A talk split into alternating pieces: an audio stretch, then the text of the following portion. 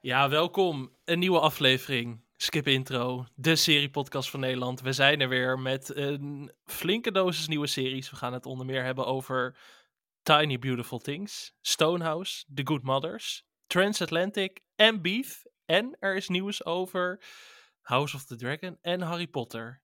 Ik ga dat niet alleen bespreken, dat ga ik samen doen met Anke Meijer. Anke, wat voor serieweek heb je achter de rug? Ah, een hele drukke. Ja, het is hè? echt niet normaal hoeveel er deze week uitkomt. En, en vooral vrijdag zijn echt wel drie of vier series, grote titels die uitkomen. Het is echt... eh, Het is ja. gekkenhuis, ja. Is dit weer die Emmy rush van, eh, ehm, die we vorig jaar ook hadden? Dat heel veel series nu worden uitgebracht zodat ze die Emmy deadline kunnen halen. Zodat ze dit jaar genomineerd kunnen worden. Is dit hetzelfde, denk je? Ja, de Emmys zijn natuurlijk de, de belangrijkste serieprijzen van het jaar. En de deadline ligt volgens mij op 31 mei, 30 mei, 31 mei. Eh, mei heeft een zoiets. 31ste dag, toch? Dus volgens mij ligt het in ieder geval eind mei.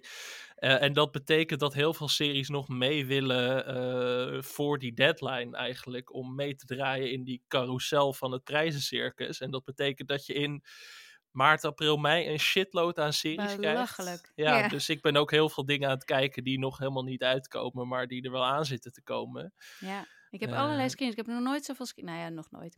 Ik heb in ieder geval op het moment heel veel screeners die gewoon op, echt staan te trappelen om Ja. bekeken te worden door mij. Maar ik, eh, ik, ik kom er nog gewoon niet aan toe, omdat ik zoveel meer moet, moet doen. Klopt, gelukkig hebben we wel weer een paar series eh, gezien voor vandaag die wel gaan uitkomen deze week. Dat is uh, geruststellende rijkdom, hoor. Ja, Ik ben er, ik ben er niet, ik vind het niet heel erg. Het wij is klagen dat- absoluut niet. Nee. Nee, maar dat ik wel inderdaad denk, ik heb nu van deze, de series die we deze week gaan bespreken, die had ik eigenlijk helemaal willen bekijken, maar daar ben ik gewoon nog niet aan toegekomen. Ik heb heel veel zin om ze verder te kijken, maar het is gewoon heel veel. Ja, ik heb een van de series die we gaan bespreken vandaag helemaal uitgekeken. Dat is wel vrij uniek. Zeker als je. Nou, in eerste instantie moest ik er een heel klein stukje over schrijven. En dat is inmiddels uitgebreid, omdat de serie heel goed is. Ja. Maar voordat ik dat wist, heb ik de serie al zelf uitgekeken. Dus dat zegt Omdat wel wat eh, om Ja. wel over hoe leuk die is. Maar daar gaan we het later in deze aflevering over hebben. Want jij wilde het eerst hebben over Tiny Beautiful Things. Eh, Ja. Wat is dat? Ik heb geen idee. Ik heb er ook niks over opgezocht. Dus Nee, nou ja, weet je, maar dat is wel echt eigenlijk heel bijzonder als je erover nadenkt, want het is een Hulu-serie, een miniserie, eh met Catherine Han in de, in de hoofdrol en Merritt Weaver in een, in, nou ja, een- bijrol eigenlijk. Mhm. Wat toch twee echt fantastische actrices zijn die ik in alles wil zien. Nou ja, dat, het, het feit dat, dat jij deze serie, dat je hier nog nooit van gehoord hebt, is eigenlijk al, dat geeft wel aan hoeveel er op het moment uitkomt. Want eh, ik neem aan dat jij ook altijd wel, Catherine Han, dat je die ja, ook wel... zeker. Die hou ik altijd wel in de gaten. Maar dit is helemaal... Ik heb hier niks over gehoord. Echt geen, geen tweetje, niks. Ik heb echt Nee. geen idee wat dit is. Nou, het is gebaseerd eh, op een boek van eh Cheryl Strait. ehm, en voor televisie is het, is het geschreven door Liz Tigelaar, wil ik zeggen. Maar je zegt, het is gewoon Amerikaans, dus je zegt Tigelaar. Tigelaar. Tigelaar ja. waarschijnlijk. Eh, en zij maakte ook eerder Little Fires Everywhere met Reese Witherspoon. En Reese Witherspoon is ook een van de producenten van deze serie, samen Mm. met Laura Dern ook weer. Dus er is echt zo'n hele Big Little Lies eh, tie-in bijna. Een reunie achter de schermen bijna. Eh, Ja. Ja, en het gaat ook, het is ook wel, nou ja, een vrouwenserie wil ik het niet noemen, maar het is wel een serie waarin eh, vrouwen de ho- hoofdpersonen zijn. En in dit geval dus Catherine Han, die eh, Claire speelt, een vrouw van, ja, wat is ze, eind 40, met wie het niet zo heel erg goed gaat. Eh haar, haar huwelijk staat op klappen. Ze ehm, is eigenlijk dakloos, waardoor ze in de kamer van een eh, eh, patiënt in het verzorgingstehuis waar ze werkt eh, logeert. Wat niet helemaal de bedoeling is. Nee, het lijkt me niet Eh, heel erg fijn. En dat mag nee, ook niet, nee. denk ik. Neem ik toch aan. Nee, dat mag zeker niet. Nee. Dat mag zeker niet. Eh, en dan eh, is er, ze, ze was schrijfster, maar dat, dat ja, is een beetje, heeft ze allemaal losgelaten omdat ze een kind kreeg. En nou ja, een beetje wel eh, enigszins soort van bekend terrein. Je hebt het wel vaker gezien. eh, en dan komt er dus een, een oud eh, collega, vriend van haar, en die zegt van wil je niet deze adviescolumn schrijven voor het tijdschrift waarvoor ik werk? En dan heeft ze natuurlijk zoiets van, ja, advies, ik kan toch geen advies geven, kijk naar mij. Maar Mhm. ja, dan, dan gaat het toch kriebelen. En met ieder advies eigenlijk eh, krijgt ze ook weer een beetje een inkijk in haar eigen leven en wat er allemaal mis is gegaan. En vooral, ja, er behoorlijk turbulente geschiedenis. En ehm, Met haar moeder. En haar moeder die wordt dus gespeeld door Merit Weaver. Ehm, ik heb twee afleveringen gezien. Ik heb ze dus nog niet allemaal kunnen bekijken. Maar ik, in het begin dacht ik ook van ja, ik heb het idee dat ik dit al wel ken. Ehm, maar ja, Catherine Hahn is gewoon zo ongelooflijk goed dat, dat, dat je blijft kijken. En het, ja, het is gewoon, het zit echt wel goed in elkaar. Het is Hm. echt wel interessant. Ja, want En, op basis ehm, van het verhaal ben ik nog niet dat ik denk, oh, ik moet dit zo snel mogelijk gaan aanzetten. Maar jij zegt, door Catherine Haan moet je het eigenlijk gewoon wel Ja. doen. Ja, ja, door haar. Ik bedoel, zij maakt dit gewoon echt de moeite waard. En eh, ja, wat ik zeg, het is niet heel schokkend. Alhoewel, het is ook wel weer net even anders dan Hm. wat je gewend bent. Het is iets heftiger.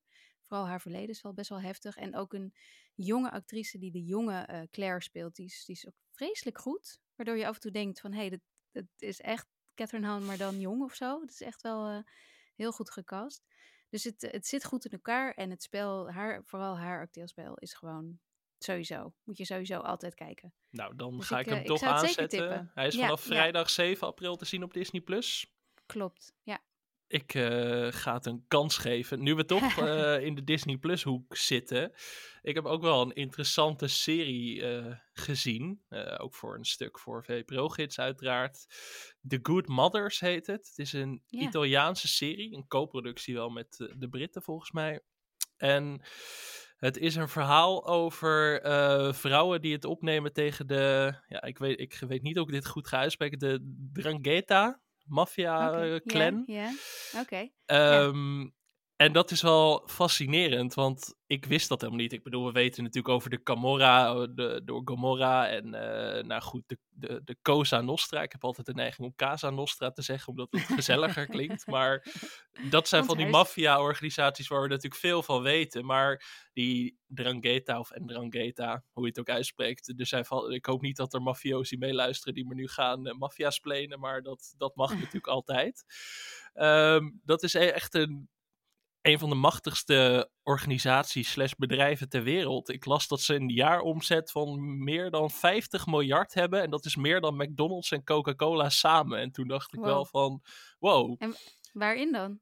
Ja, in drugshandel, wapenhandel, eh, dat soort dingen. Dus het is niet heel gezellig, maar ik vond het wel fascinerend omdat ik niet echt heel veel weet over deze organisatie. En we zien het ook niet vaak in films of series of mondje, heel mondjesmaat.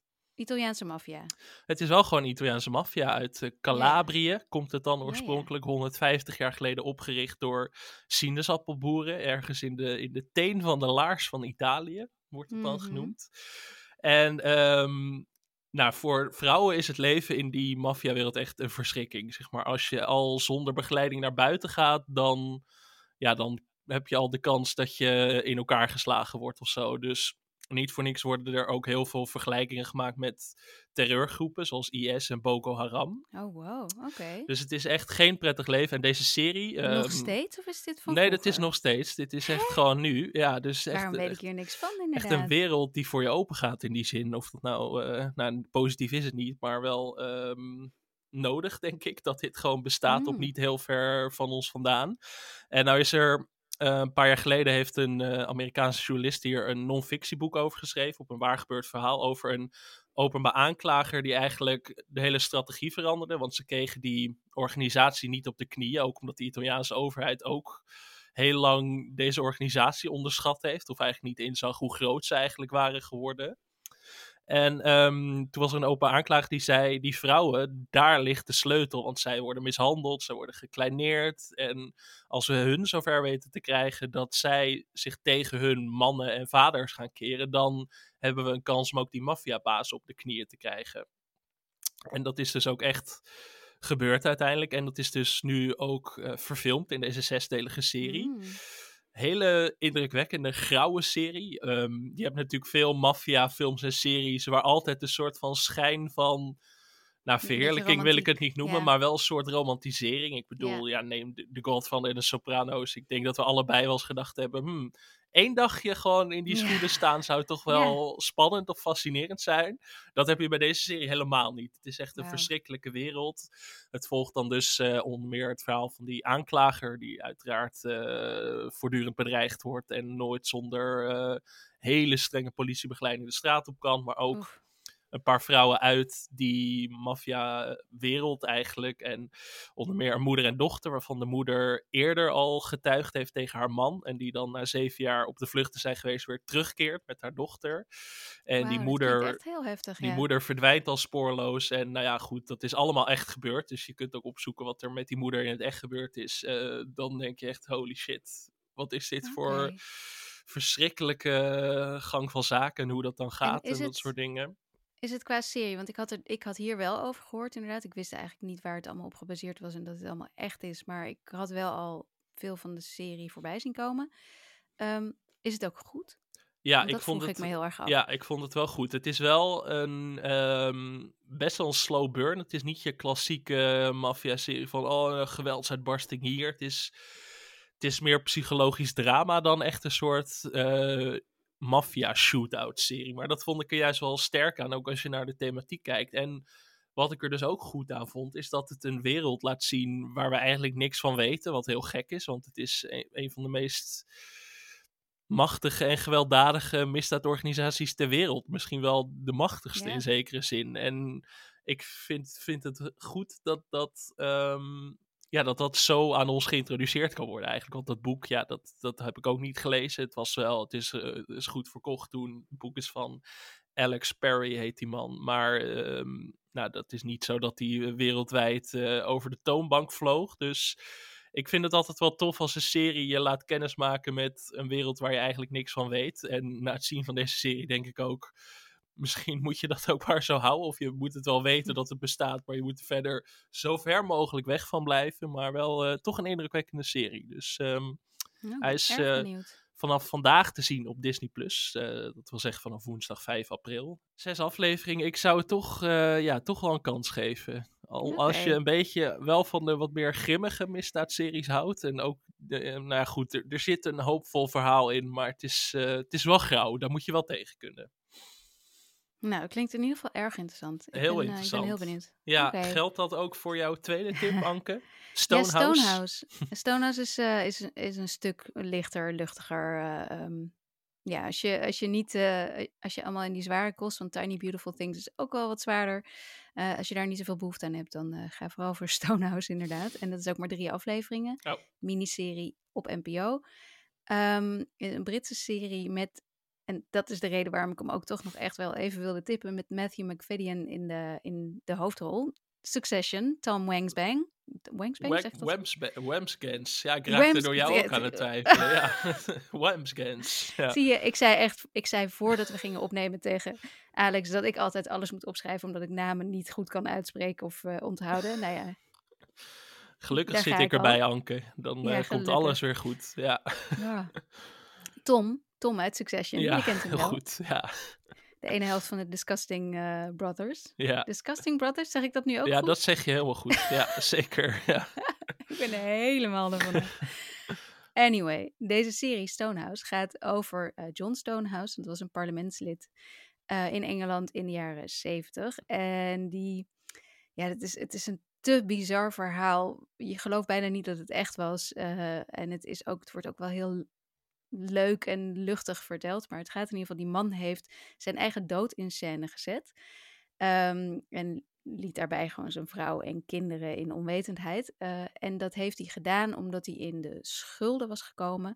Uh, maar ook, en daar gaat in ieder geval deze serie van uit. En of het nou waar is of niet, dat wordt in, in, door familieleden een beetje betwist eigenlijk. Maar omdat hij door Tsjechoslowakije uh, als um, spion was mm. geronseld. En dat ook helemaal misging, want zoals de serie in ieder geval laat zien, uh, daar was hij heel erg slecht in. Uh, hij vond het vooral ook he wel heel erg spannend om te doen. Hij meldt zich dan bijvoorbeeld ook in de eerste aflevering bij de ambassade in Londen en uh, zegt dan: It's Stonehouse, John Stonehouse. Weet je wel? Dus hij ziet zichzelf echt als een 007, ja. maar ondertussen is het, nou ja, is, is, hij, is hij een enorme kneus en kan hij kan hij dat spionnenwerk helemaal niet. En hij kan dus ook niet investeren en hij kan dus ook niet uh, foute zaakjes doen, want alles gaat mis. Uh, waardoor hij dus uiteindelijk zijn eigen dood in scène zet. En ook mm. dat gaat mis, kan ik alvast verklappen. Uh, dus het is, um, het, is, het is best een hele leuke serie. ook al is het eigenlijk natuurlijk, in, was het in werkelijkheid een heel triest verhaal. Deze, voor deze familie zou ja. het niet, niet heel fijn zijn geweest. zijn vrouw wordt ook gespeeld, dat is een leuk eh, feitje door Keely Hawes. Eh, zij is ook best wel bekende Britse actrice. Dus zij speelt een moeder in It's a Sin. Die vreselijke moeder. Ehm, en zij is in het echt getrouwd met Matthew McFadden. Dus, oh, dat wist ik helemaal niet, joh. Ja, maar, dus als je dan af en toe vergeet je dat hij überhaupt dat hij Brits is natuurlijk. Ja, ik wou zeggen, hij is zo tom geworden voor mij dat ik het ook lastig ga vinden om hem in een andere rol te zien. Maar misschien is dit een fijne. Hij is heel anders hierin. Afleiding van Succession in ieder geval. Succession, waar we het later in deze aflevering natuurlijk ook nog heel even over gaan hebben. Stonehouse, drie afleveringen te zien op NPO Plus.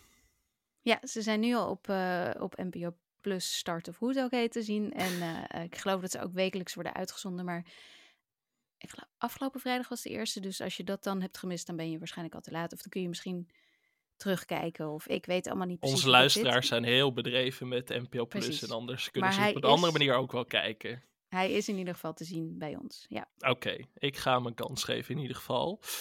Uh, wat ik ook een kans moet gaan geven, waarschijnlijk. Uh, of dat nou met plezier is of tegen weg, waar ik niet omhoog kan. We gaan het even over een paar nieuwtjes hebben. En een van die nieuwtjes is dat House of the Dragon maar acht afleveringen krijgt in seizoen 2. Ja, in plaats van de gebruikelijke tien of gebruikelijk wat, wat het vorige seizoen heeft gekregen. Ja. Nu heeft het, Game of eh, Thrones universum geen goede reputatie met korte seizoenen. Ik kan me een laatste seizoen van, uh, Game of Thrones herinneren waarin toch te weinig ruimte was uiteindelijk. Ja. Dus uh, dit kan een slecht voorteken zijn, Anke, of valt het mee? Nou ja, bij HBO, uh, dit is een nieuwtje van Deadline en, en HBO, een woordvoerder, heeft, uh, heeft gezegd en benadrukt dat het toch echt is ingegeven door het script. En niet um, ja, ja, er ging ook gerust over bezuinigingen. Hè? Dus ik vind het wel dat ik denk, hmm, ja, is, dus inderdaad, dat zou ik ook niet toegeven als ik HBO was. Dat het om bezuinigen. Nee. nee. ja, we doen het om te bezuinigen. Dat zou toch wel apart zijn. Ja. We, we, willen de, de, de serie die uh, een van onze grootste series uh, moet zijn, uh, niet nog meer geld geven. Nee. nee.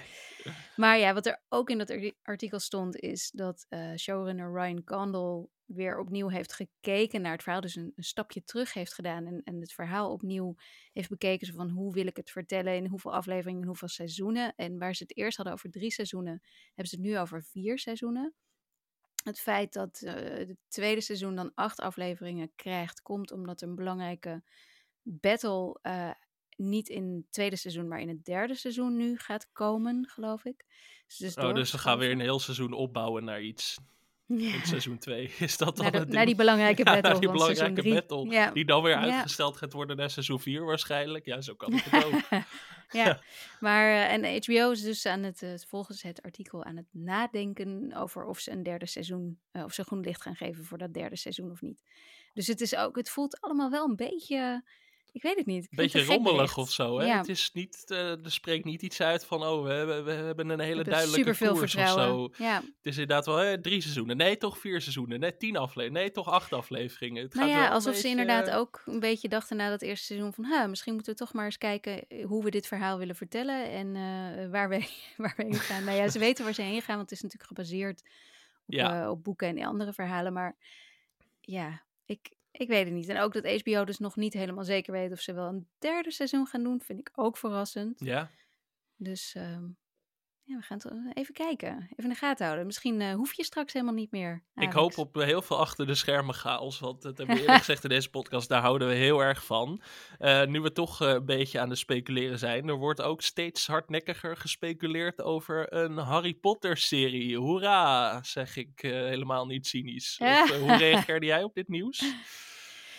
Ik, nou, ik, Sowieso vind ik het niet echt nodig, want de, de films zijn wat mij betreft nog hartstikke recent en goed genoeg om, uh, om te kijken. Um, oh ja, je gaat even gewoon... voorbij aan de fantastische Fantastic Beasts trilogie. Echt, oh, uh, oh. oh, jeetje, oh die heb ik niet eens gezien. Oh, wat een verschrikking. Oh, die heb ik niet eens. Daar heb ik de eerste van gezien en daarna ben ik, uh, ben ik meteen afgehaakt. Um, een maar... franchise met Eddie Redmayne in de hoofdrol zou sowieso absoluut gecanceld moeten worden eigenlijk voor. Oh, je bent geen fan? Oh, verschrikkelijk. ik kan hem echt niet aan. Nee, nee, sorry. Maar die, die films zijn ook zo niks zeggend. Ik kan, nee. nee. Dat heeft er wel echt dat ik denk, nee, dit, flikker ook maar op met zo'n serie om het maar veel oneerbiedig te zeggen als het nou, zo ik, moet. Wat ik hier sowieso om te beginnen al niet echt heel spannend aan vind, is dat het gewoon eh, eh, Warner Bros. Discovery heeft natuurlijk eh, die, die Harry Potter rechten, of tenminste, ik weet niet precies hoe het in elkaar zit, maar ze hebben in ieder geval dit IP. Mhm. En dat willen ze gaan, gaan uitmelken natuurlijk. Ja. Dat willen ze zoveel mogelijk mee gaan doen. En dus ook een serie. Want alles moet een serie worden. En daarin, daarvan denk ik meteen nee. In dit geval Het komt we niet hebben voort gewoon een uit serie. een Nee, het komt niet voort uit een nieuw idee. Iemand die een vet idee heeft. Het is ja. gewoon van, oh, we moeten iets met deze franchise, want er zit eh, Ja. potentie in. En dat, Nou ja, eh, en het gaat waarschijnlijk geld opleveren. Want natuurlijk Ja. Hogwarts Legacy, die, die eh, game die laatst is uitgebracht, die, heeft, die is hartstikke populair. Dus dit is gewoon een manier om geld te verdienen. En heel veel mensen zullen het waarschijnlijk gaan kijken. En ehm, wellicht dat er ook weer nieuwe fans bij komen en alles. Maar ja, ik vind het. Ik, ik, voor mij hoeft het niet wat ik zeg. Er zijn gewoon. Er is gewoon een filmserie, een, een, een filmreeks die ook als een soort van serie bekeken kan worden. Ja. Ik, ik, ik weet niet of je zeven seizoenen en dan ieder seizoen een jaar. Ik weet niet of het heel veel gaat toevoegen. En Skip daarbij intro. een nieuwe Harry, een nieuwe Ron. Ik weet, Ja. het, ik, ik, ik weet het allemaal niet. En even, ja, voor mij speelt het hele J.K. Rowling. Ja, Ehm, ook dat nog natuurlijk. Die gebeuren hier dan als producer bij betrokken zou zijn, volgens mij. Dat, eh, nou goed, misschien moeten we dat ook Ja, en, eventjes, en eh, CEO David Zaslav, die ook, eh, eh, nou ja, zich al wel een paar keer heeft uitgelaten. Pro Rowling heeft uitgelaten, zeg maar. Ja. eh, in de hele debatten. En ik, eh, ik weet het niet. Ik, voor mij hoeft het eh, alleen daarom al niet. En dan nog heel veel andere redenen. Dus ik, misschien zitten we hier over drie jaar heel enthousiast over eh, Harry Potter, de serie, te spreken. Maar Nee hoor, skip intro keurt het bij voorbaat al af. We skippen hem. ik ga dit, ja, nu dit skippen we op voorhand al. Eh, wat we niet gaan skippen, in ieder geval jij niet, Anke, is een nieuwe serie van Netflix. Eh, de eerste van twee nieuwe Netflix-titels die deze week gaan uitkomen. En dat is Transatlantic. How goes your American Rescue Committee? American Emergency Rescue Committee. I saw you're Miss Gold today. She's indispensable to our operation. Miss Gold is a spoiled young lady with no clue about the real world. Can you get this to Leonel by tomorrow morning? I have two more for the boat. Britain is at war. We need allies here who can operate freely in France. Our great country takes the Jewish problem very seriously. There's only one great country in Europe. Of course. Ja, Anke, je had het hier in de vorige aflevering al even kort over. Transatlantic is een nieuwe serie van Anna Winger, die eerder Unorthodox maakte. Een van de positieve uitschieters, denk ik, van Netflix van de laatste jaren toch wel. Ehm, Ja, een van de grootste hits van het begin Ja. van, de, van de pandemie, hè? ja, Ja. Dus, eh, eh, ik moet eh, tot mijn schaamte bekennen dat ik de serie nog niet gezien heb, Unorthodox. Nee, die is volledig aan me, nou niet aan me voorbij gegaan. Ik, ik wist wat bestaat, maar is er nog niet van gekomen. Is zo'n serie die al heel lang op de lijst staat en dan komt er steeds weer iets boven of een nieuw project boven. En dan denk ik, oh ja, die kijk ik hierna wel. Maar er is nu een nieuwe kans om in ieder geval een nieuwe serie van deze Anna Winger te gaan zien. En dat is Transatlantic. Ehm, Klopt, ja. Ja, het is een heel, ik, ik vond het een hele andere serie dan Unorthodox. Unorthodox is natuurlijk, eh, speelt in het heden en ehm, ik, vond het, ik vond het wat, wat eh, grauwer qua uitstraling, qua ja, beeld, eh, hoe het geschoten is en hoe de wereld is eigenlijk. Ehm, niet het, het verhaal is, is op momenten grauw, maar op momenten ook helemaal niet hoor. Maar ik meer gewoon hoe het eruit ziet, hoe het voelde. Het voelde meer ehm, als een iets meer low-budget serie. En dit eh, als tegenhanger is juist echt een en al gloss en ontzettend Netflix. Weet je wel, Netflix heeft Hmm. altijd zo'n zo'n soort van lichtfilter of zo wat ze gebruiken. Snap je wat ja, ik bedoel? heel lelijk is het vooral. Ja. Nou ja, maar ook Beef, waar we het straks over gaan hebben, de andere Netflix-serie die deze week uitkomt, ook die ziet eruit als een Netflix-serie. Netflix-series zien er eigenlijk bijna allemaal een beetje hetzelfde uit, waar ze ook spelen, waar ja, het ook had ik het bij. Beef wel iets minder. Dat, eh, op sommige momenten dacht ik van, oh, hier zit een net iets andere stijl in. Of in ieder geval iets meer een stijl van de maker dan de Netflix-stijl. Ehm, ik heb eh, Transatlantic dus nog niet gezien, maar zit daar niks van de maker in? Of zeg maar, is het, wat, laat ik het anders formuleren, wint de Netflix-stijl of wint de stijl van de maker uiteindelijk? Heb je, Ja, ik heb dat- het niet over stijl, over ver- vertelstijl, maar over eigenlijk Nee, de kleuren. Ja, het kleurgebruik. Dus Ja. daar zie je echt eh, de Netflix vind ik wel. Hm. Vind ik wel. En dat vond ik bij Unorthodox niet. Ik vond dat opvallend. Maar ik heb natuurlijk in Lille vorige week uh, uh, Anna Winger geïnterviewd. En zij zei meteen van, nou, ik ben het eigenlijk niet mee eens. Ik vind dat ze wel heel veel op elkaar lijken, deze twee series. Dus daar ging meteen mijn, mijn idee. Ja. Maar het is het, qua uiterlijk vind ik het, lijken ze helemaal niet op elkaar. Um, en ook qua verhaal niet per se. Um, Transatlantic gaat over de Emergency Rescue, Rescue Committee. Uh, dat was in uh, 1940 uh, in Marseille eigenlijk een, een, ja, een organisatie, een groep.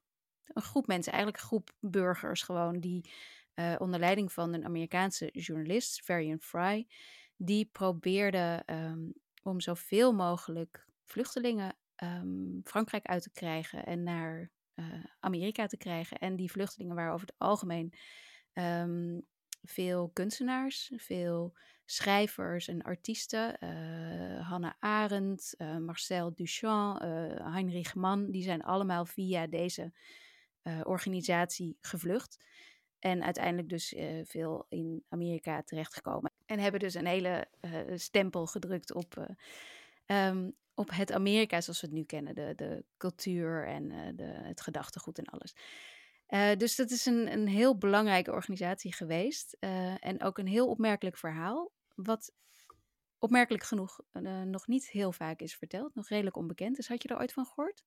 Nee, nog nooit. Nee, nee ik zat nee, er wat over te lezen. Ik dacht, oh, wat, wat interessant eigenlijk. Ondanks... Ja ja, dat ik, dat ik ja, soms wel eens denk, verhalen die zich afspelen in de Tweede Wereldoorlog, hoeveel verhalen zijn er nog te vertellen Precies, in serievorm? Ja, ja. Maar ja, natuurlijk, dat is ook onzin, want er blijven altijd interessante verhalen. En dat de, de Transatlantic klonk in ieder geval als een verhaal dat iets nieuws te zeggen had over die periode. Ja. En dat is ook precies waarom Anna Winger uh, had besloten om uh, dit te vertellen. Dat ik, uh, ik heb uh, haar en dus actrice Gillian Jacobs en acteur Corey Michael Smith voor VPRO Cinema geïnterviewd. Dat komt deze week online te staan. en wat zij ook, wat Winger ook zegt, is dat zij, zij woont in Berlijn en ze werkt ook vanuit daar. En ze krijgt heel veel verhalen altijd over de Tweede Wereldoorlog aangeboden. Zo van, hé, hey, daar moet je eigenlijk iets mee doen. Ga daar eens over schrijven. En iedere keer had ze iets van, ja, wat, wat valt er nou nog te vertellen? Maar dit is een verhaal wat je inderdaad echt sowieso misschien nog niet kende. Maar wat ook net even um, een ander gevoel heeft. Want het, het, het, is, het gaat echt over die groep mensen die met niets um, iets probeerden te doen. In, in de um, eerste aflevering wordt ook gezegd door een van de hoofdpersonen... van de meeste mensen denken dat ze niks kunnen doen, dus doen ze ook niks. Uh, en dit is juist een verhaal over mensen die... Ja, ze weten, dat, ze weten niet eens of ze het kunnen, maar ze proberen het gewoon. En daarmee hebben ze dus ja, meer dan 2200 mensen gered. Wat wel, uh, wat wel heel bijzonder is. Um, ja, en, en het is een, um, uh, een opvallend luchtige, vrolijke serie. Met dus heel veel vrolijke kleuren. Uh, het is bijna grappig op momenten. Het heeft in de tweede of derde aflevering zit, een, zit bijna een soort van gekostumeerd feest. Um, wat je ook niet helemaal verwacht bij uh, Tweede Wereldoorlog verhalen. Hm. Dus uh, ze heeft, Winger heeft zich ook laten inspireren door films die in die tijd in Amerika werden gemaakt. vaak ook door Duitse mensen die in Amerika woonden en dus niet meer terug konden. Joodse mensen die niet meer terug konden naar Europa. Um, dus het heeft, het heeft heel veel. Het, het, is net, het is anders. Het is anders okay. dan wat we kennen. En ik heb drie afleveringen gezien. Ik heb nog niet alles kunnen kijken. Dus of het uh, uh, fantastisch is of niet, dat durf ik nog niet te zeggen. Maar ik vond het in ieder geval mooi gemaakt en een interessant verhaal. Hoeveel sterren zou je op basis van de eerste drie afleveringen dan geven? Is dit een drie sterren serie, een vier sterren serie, een drieënhalf sterren serie? Dat is ja, ik, de vraag ik, natuurlijk, hè? Hoi. Mm. Oh, wat een rotvraag. Ja, sorry. Ja. Als luisteraar wil dit dolgraag weten, ja. weet ik, uit, uh, uit de verhalen. Het, ik, denk, uh, ik denk dat ik ergens tussen de. Ik, ik, ik zit nog tussen de 3,5 en de 4. Een 3,75 dus op Ja, 5, ik ja. weet dus nog niet welke kant het op gaat. okay. Gewoon omdat ik nog niet. Uh, soms weet je dat na een paar afleveringen wel, maar ik, ik durf het gewoon nog niet helemaal te zeggen vind ik een goed antwoord. Maar het is okay. in ieder geval um, bovengemiddeld als we het vergelijken met de rest van het Netflix-aanbod. Misschien is dat uh, ja, beter het is om geen, het zo te zeggen. Uh, ja, als, ja, ja, ja, ja, het is niet een... Uh, um, ja, noem eens een voorbeeld. The Night Agent. eh, The Night door mij, Agent, eh, ja, die jij hartstikke snel lekker vond, ja. The Night Agent, Ja. dat het tweede seizoen krijgt. En waarvan ik denk, ja, ja, daar was je vast heel blij mee. ik word er niet blij van, maar ik ga alles er weer van kijken. Dat weet ik in ieder geval wel. Het is, eh, iemand noemde het op Twitter plezierpulp. In ieder geval, dat was eigenlijk een perfecte eh, samenvatting. Ehm, maar we gaan het over een andere Netflix-serie hebben. Die, als, het, eh, ja, als ik het eh, in ieder geval eh, op tafel mag leggen, een van de beste dingen is die Netflix in tijden heeft uitgebracht. Want we gaan het hebben over Beef.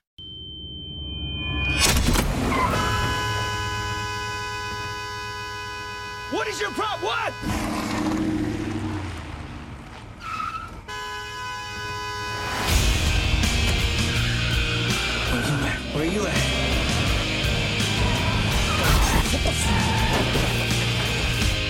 What are you doing? Stop. Stop, stop, stop, stop, stop, stop. I have a very full life that I'd love to get back to. I'm gonna find you and take what little you have.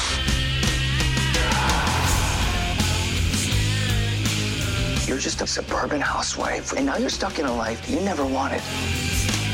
Ja, beef, Anke. Heb jij heb je wel eens beef in het, eh, in het Nederlandse verkeer gehad? Heb je wel eens echt een hoogoplopende verkeersruzie gehad?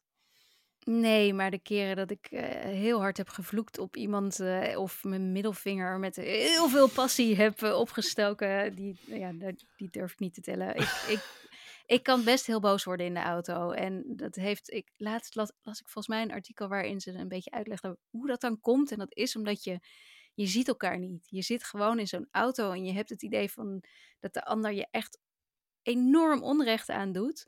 Terwijl als je elkaar gewoon zou zien, dan zou dat allemaal wel meevallen. Dan zie je gewoon dat het een ander mens is en niet een of ander enorm groot monster. Maar ja, zo voelt het wel altijd. Je hebt altijd het idee van iemand snijdt mij nu af en dat doet hij om mij dwars te zitten. Wat natuurlijk helemaal niet zo is. Het was gewoon, die, die persoon was heel even niet aan het opletten waarschijnlijk en dacht nou, oh shit, ik heb iemand afgesneden. Ik heb geen mijn, auto. Mijn middelvinger dus al omhoog. Dat, ja, heel eh, erg. Ja, nee, dat, nou goed, dat vind ik nog meevallen in ieder geval. Ehm, Ja, het kan erger, heb ik nu gezien. Het kan erger en dat zien we inderdaad in de tiendelige Netflix-serie Beef. ehm, gemaakt door Lee Sung-jin. En die heeft dit eigenlijk losjes gebaseerd op een eigen ervaring in het verkeer Oh, in. Los Angeles. Oh nee. Eh, wel, Losjes, dat, het liep niet, heel losjes. Het loopt niet zo uit de hand als in deze serie. Ehm, want ja, in deze serie begint eigenlijk met een incident op een parkeerplaats in Los Angeles. Eh, we zien de uitgebluste aannemer gespeeld door Steven Jan, die we onder meer Mhm. kennen uit eh, Minari, waar hij een Oscar-nominatie voor kreeg. Hij zat eerder in The Walking Dead, dat was een beetje zijn doorbraak. Hij Ja, volgens mij wel. Ja. Zat ook nog in eh, het Zuid-Koreaanse Burning. Ook een hele goede, interessante film. En volgens mij een verfilming van een boek van Murakami. En hij zat onlangs in eh, Jordan Peele's Nope. Dus eh, echt, echt Goed een van de meest interessante acteurs eh, Ja. van zijn generatie. Hij speelt hier aannemer Danny. En Danny, ja, we zien hem in de openingsscène en eigenlijk wordt heel snel duidelijk dat hij zo depressief als de pest is. Zijn bedrijf loopt ook voor geen meter. Hij woont samen met zijn ja, slonsige broer die de hele dag zit te gamen en een beetje iets, iets met crypto-achtigs doet in ieder geval. Iets die Ja, hoek een beetje als maar wel iets daar- succesvoller is iets dan succesvoller. dat eh, hij is. Ja, Ja. en dat zit hem natuurlijk ook heel erg dwars. De ouders zitten vast, geloof ik, in Korea. En Ja, eh, ja. omdat er iets mis is gegaan in het motel wat ze Ja, bezaten in Amerika. en is, ze kunnen dus nu eh, niet meer terugkomen. Het is een en al ellende Het is eigenlijk. misère alom. En dan op die parkeerplaats wordt die dwars gezeten, eh, zo kun je het wel noemen, door een, een witte SUV. En die wordt bestuurd door Amy, gespeeld door eh, Ali Wong, die vooral bekend Mhm. is als comedian in Ja, Amerika. stand-up. Mhm. stand-up comedian, ook langzaam wat meer richting het acteurs, eh, of richting de acteurswereld is getrokken de laatste jaren. Zij is vooral bekend van Always Be By Maybe. Dat is een Mhm. romantische comedy, ook op Netflix, eh, die best wel populair is. En zij heeft, zit Keanu Reeves toch in? eh, dat, die, die film is vooral bekend Ja. van de, cameo, of de Ja. extended cameo van eh Keanu Reeves. Ehm, En ze deed ook de stem van Bertie in de Netflix animatieserie Tuca en Bertie. Oké, Ehm, nou. Ja, je, Heb je dit nu allemaal in je hoofd zitten trouwens? Of Nee, dit dit, heb, ik, dit heb ik opgezocht, want. Steven Jan was ook een van de stemmen in die serie. En zo kennen Oh, die wat twee grappig. elkaar weer. Oh, Dus, ehm, Ja. maar goed, die twee, eh, nou ja, ze botsen vooral figuurlijk op die parkeerplaats. Inderdaad, er, is, eh, er, zijn, wat, eh, er zijn wat middelvingers en er, zijn wat, eh, er is wat gedoe. En ze zien elkaar dus ook niet, hè? Ze zien elkaar niet, dat is belangrijk. En Danny, die, die wordt dus dwarsgezeten door Amy. En die laat het er niet bij zitten. En die besluit haar in een eh, krankzinnige achtervolgingsscène eigenlijk op te jagen. ja.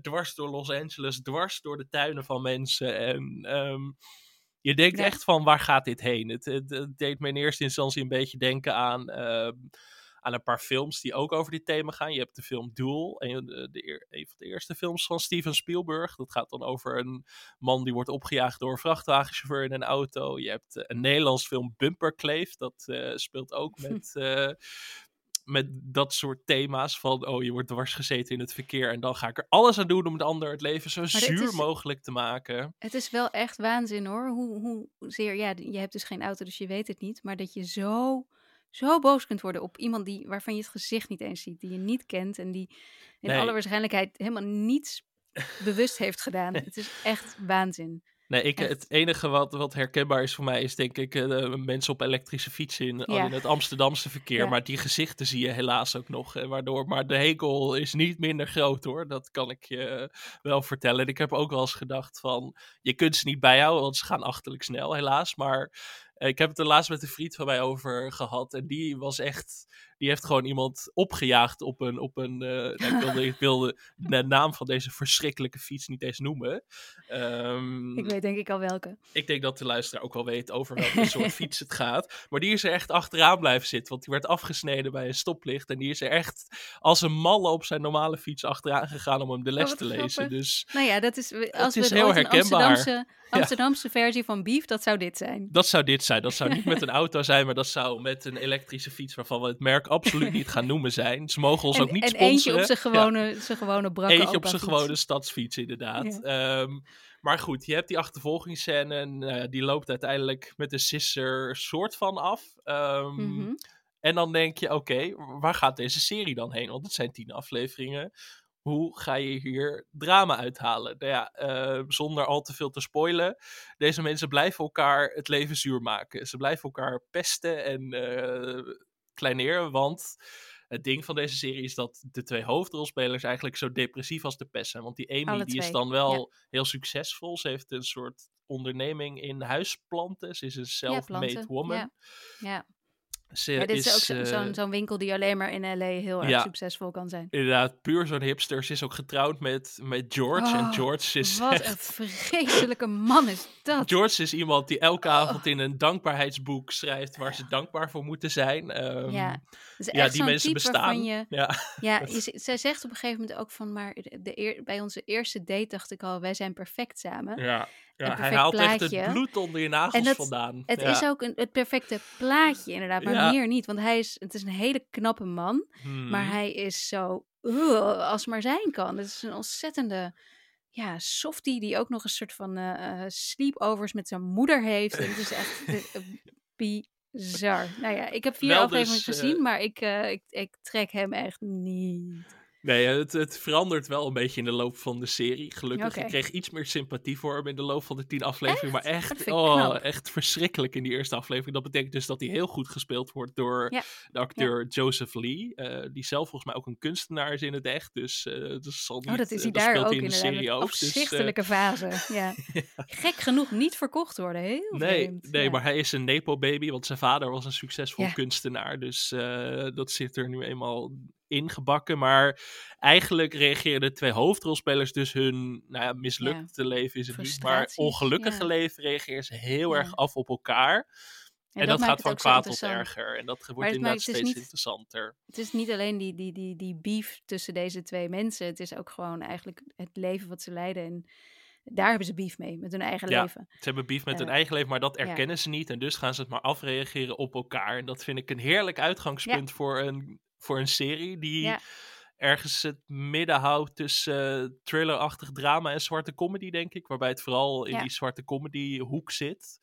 Ehm, dit is een serie die qua toon heel erg bij mij aansloeg. Het deed me wel een beetje denken aan Barry. eh, een van mijn favoriete series Mhm. natuurlijk. Die natuurlijk qua thematiek heel anders is. Maar qua toon vond ik het er best wel wat van weg hebben. Ook dat het gaat over existentiële vragen van wanneer ben je gelukkig en waarmee ben je gelukkig. En aan de andere kant natuurlijk een volstrekt absurd uitgangspunt dat, je, dat je elkaar het leven zuur maakt eh, op Want basis is van één ook, hè? verkeersruzie.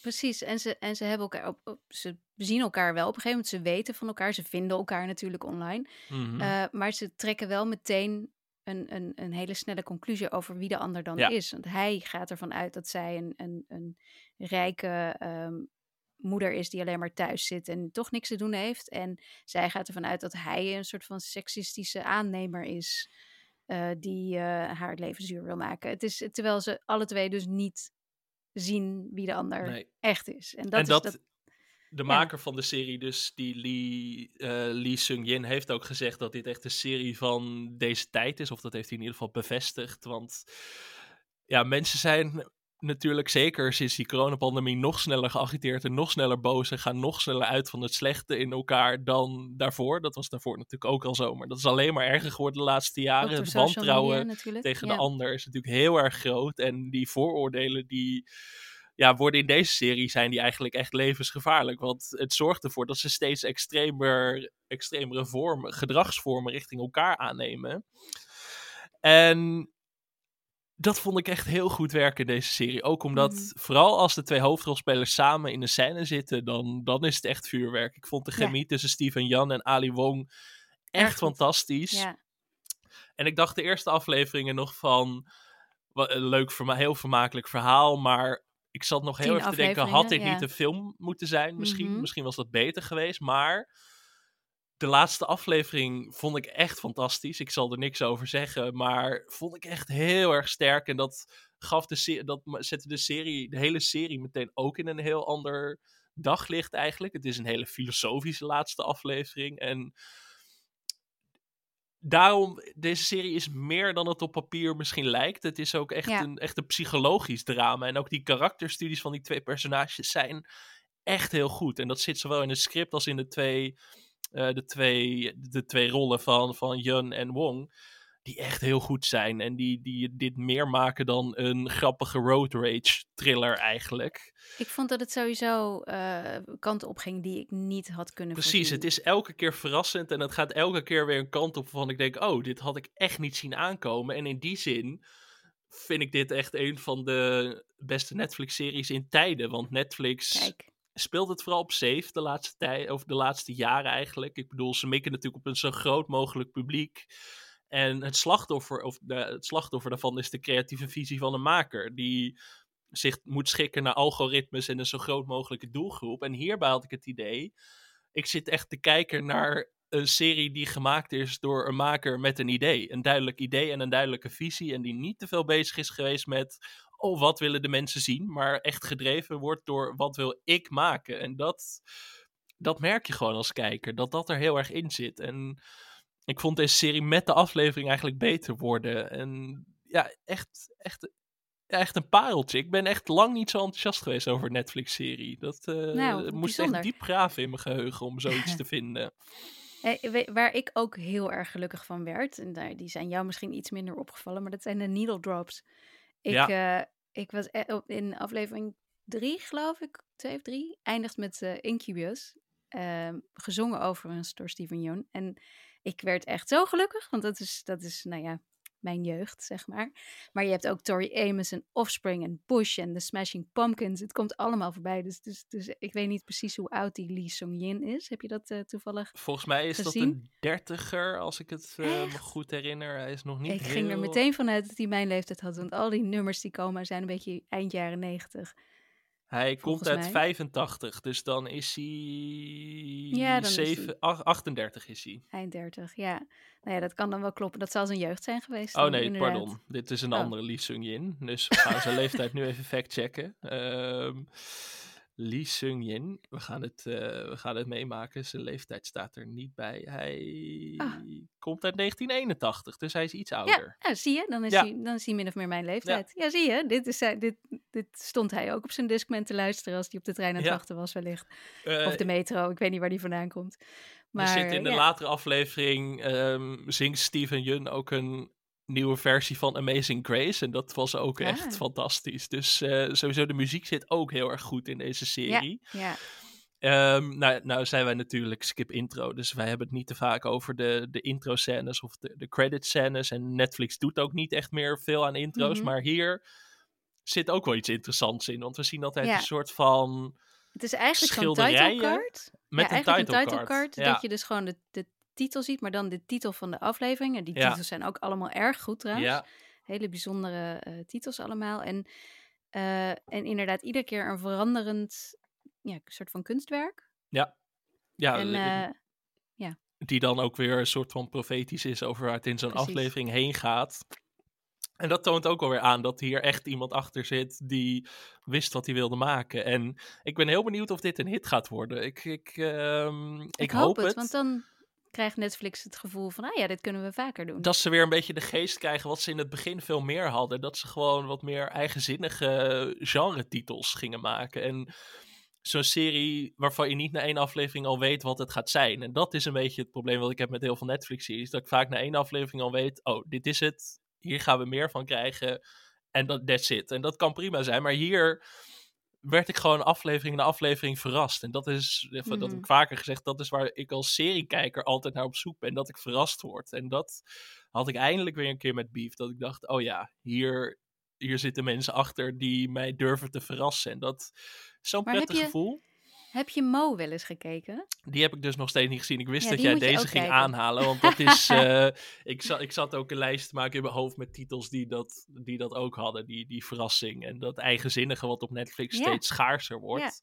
En Mo Ehm, valt daar wat mij betreft ook echt onder. Ja. En, die- en ik moest er ook af en toe wel aan denken, ook al is het een heel ander verhaal wat er wordt verteld. Maar die eigen stem die je er doorheen voelt komen, inderdaad. En ehm, toch ook dezelfde kleuren. Daarom blijf ik er een beetje bij dat Netflix wel. Het lijkt wel alsof ze een soort van. Ik, ik denk, ik zou het wel eens willen, willen doen. Alsof je een soort van wijnproeverij, maar dan met series. En dat je alleen maar. Maar dat is natuurlijk heel moeilijk, want dan herken je meteen de acteurs en dan weet je het. Maar dat je gewoon shots krijgt en kunt zeggen: dit is een Netflix-serie, dit is een HBO-serie, dit is Prime, eh, dit is Apple. Ik, ik heb echt het idee dat je het kunt zien, namelijk. Maar misschien zit het een beetje in mijn hoofd.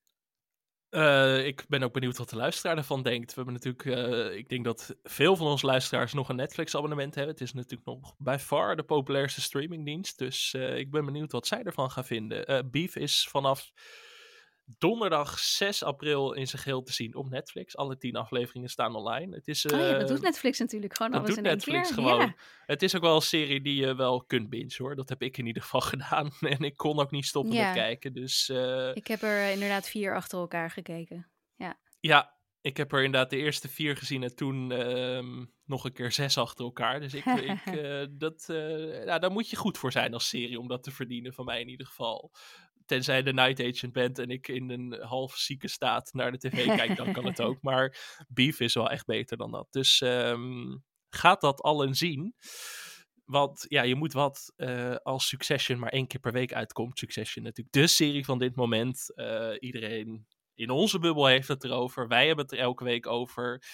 Eh, aflevering 2 van seizoen 4 staat nu. De recap daarvan staat op Patreon. Daar kun je nog altijd, daar kun je nog altijd bij aansluiten.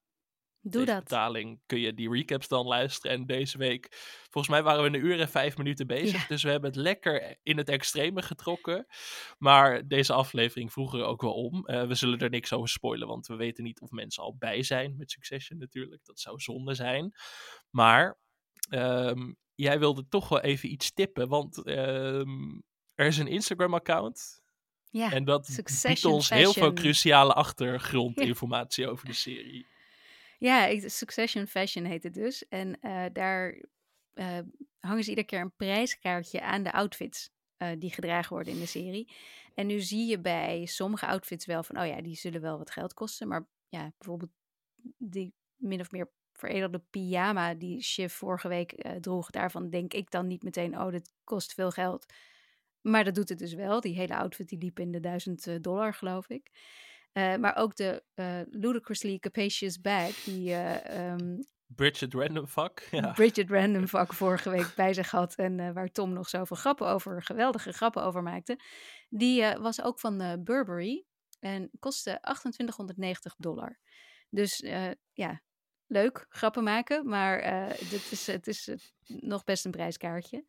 En wat ik vooral heel opvallend vind, is dat iemand als Kendall iedere keer zijn outfits zien er echt. Hij heeft niks speciaals aan. Het ziet er niet, het ziet er niet heel bijzonder uit. Maar deze aflevering, dat is niet echt een spoiler, uh, maakt Roman ook al een grapje over zijn Tom Ford uh, schoenen. Mm. Dus alles wat hij draagt is echt hartstikke duur. Dus een t-shirt, een heel simpel t-shirtje, wat meteen 240 dollar is. Of een baseballpetje, uh, wat 625 dollar kost. Oh, mijn god, ja. Ja, ik bedoel ja. maar. Dus het is, echt, het is wel heel grappig om te zien. Ook, um, ja, vooral omdat het toch weer de, de, de serie nog een extra laag geeft wat mij betreft. Omdat ik sta daar niet bij stil als ik die mensen zie. Maar ze, hebben, ze zijn natuurlijk zo rijk dat ze zich, dat ze duizend dollar uitgeven om eruit te zien alsof ze ja, niet eens heel veel hebben uitgegeven aan kleding. Het schijnt ook een trend te zijn trouwens. Ja, heel, dat heel veel ik las daar laatst ja. een artikel over. Volgens mij was het eh, de Volkskrant. Dat inderdaad mensen, eh, of dat rijke mensen het niet meer willen uiten. En daardoor hele dure kleding gaan kopen die eruit ziet alsof het niet duur is of zo. Dat is Precies. dan het ding. Dat ja, is toch dat is gewoon heel simpel. Vooral Ja. heel simpel. Terwijl je nog steeds wel ziet dat het allemaal duur is waarschijnlijk. Maar vooral heel simpel. Dus geen overdreven merkjes meer. Geen duidelijk zichtbaar, eh, dit is een Chanel iets of zo. Maar gewoon juist heel understated allemaal. En dat, dat vind ik bij Succession, eh, eh, ja, dat, dat doet Succession heel erg. En dan zijn ze dus bij de kostuumhoek zijn ze daar erg sterk in. We Het is prijzen natuurlijk vooral de makers en de acteurs, maar eh, de kostuumdesigners eh, krijgen ook een shout-out in deze aflevering. Tuurlijk. En, ja. en al die eh, plekken waar het wordt opgenomen en eh, eh, die fantastische huizen of penthouses of wat dan ook. Dat is, eh, die hele wereld zit echt heel goed in elkaar. Ja. En is dus absurd duur.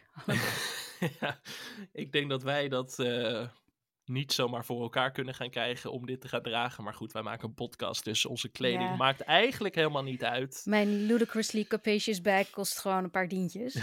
En eh, daar past ook een laptop in en fletjes voor de metro. We hebben ze allemaal nodig, Anke. Ehm, of eh, we kunnen dit, ik wou zeggen, we kunnen dit, eh, wij, hebben het niet no- wij hebben het niet nodig, de, de kleding die had ze je in trouwens- Succession dragen. Had je die IKEA ehm Zeker, ja.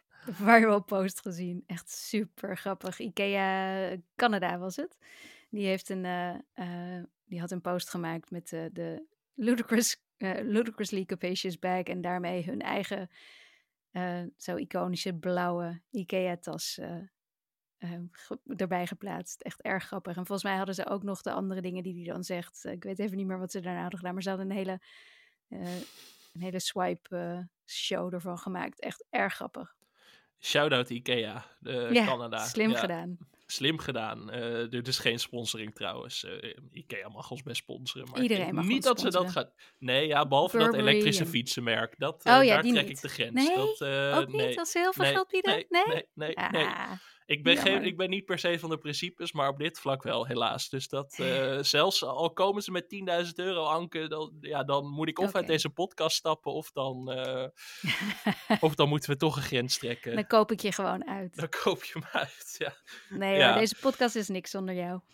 Dat, eh, dat is lief van je. Het is ook niks zonder jou en niks zonder onze luisteraars Dat natuurlijk. sowieso. Want eh, je kunt nog lid worden van onze Facebookgroep. Je kunt ons volgen op Twitter en Instagram via skipintro.nl. Je kunt ons mailen op podcastskipintro.gmail.com. Volgens mij voor het eerst dat ik hem uit mijn hoofd ken, omdat ik hem ook in het draaiboek zie staan. Dus ik, daarvoor. ik had hem in het rijboek gezet speciaal voor je. Je kunt, eh, je kunt je ook abonneren op onze nieuwsbrieven. Kijk daarvoor in de beschrijving. En word dus patron en luister wekelijks naar onze zeer uitgebreide Succession recaps.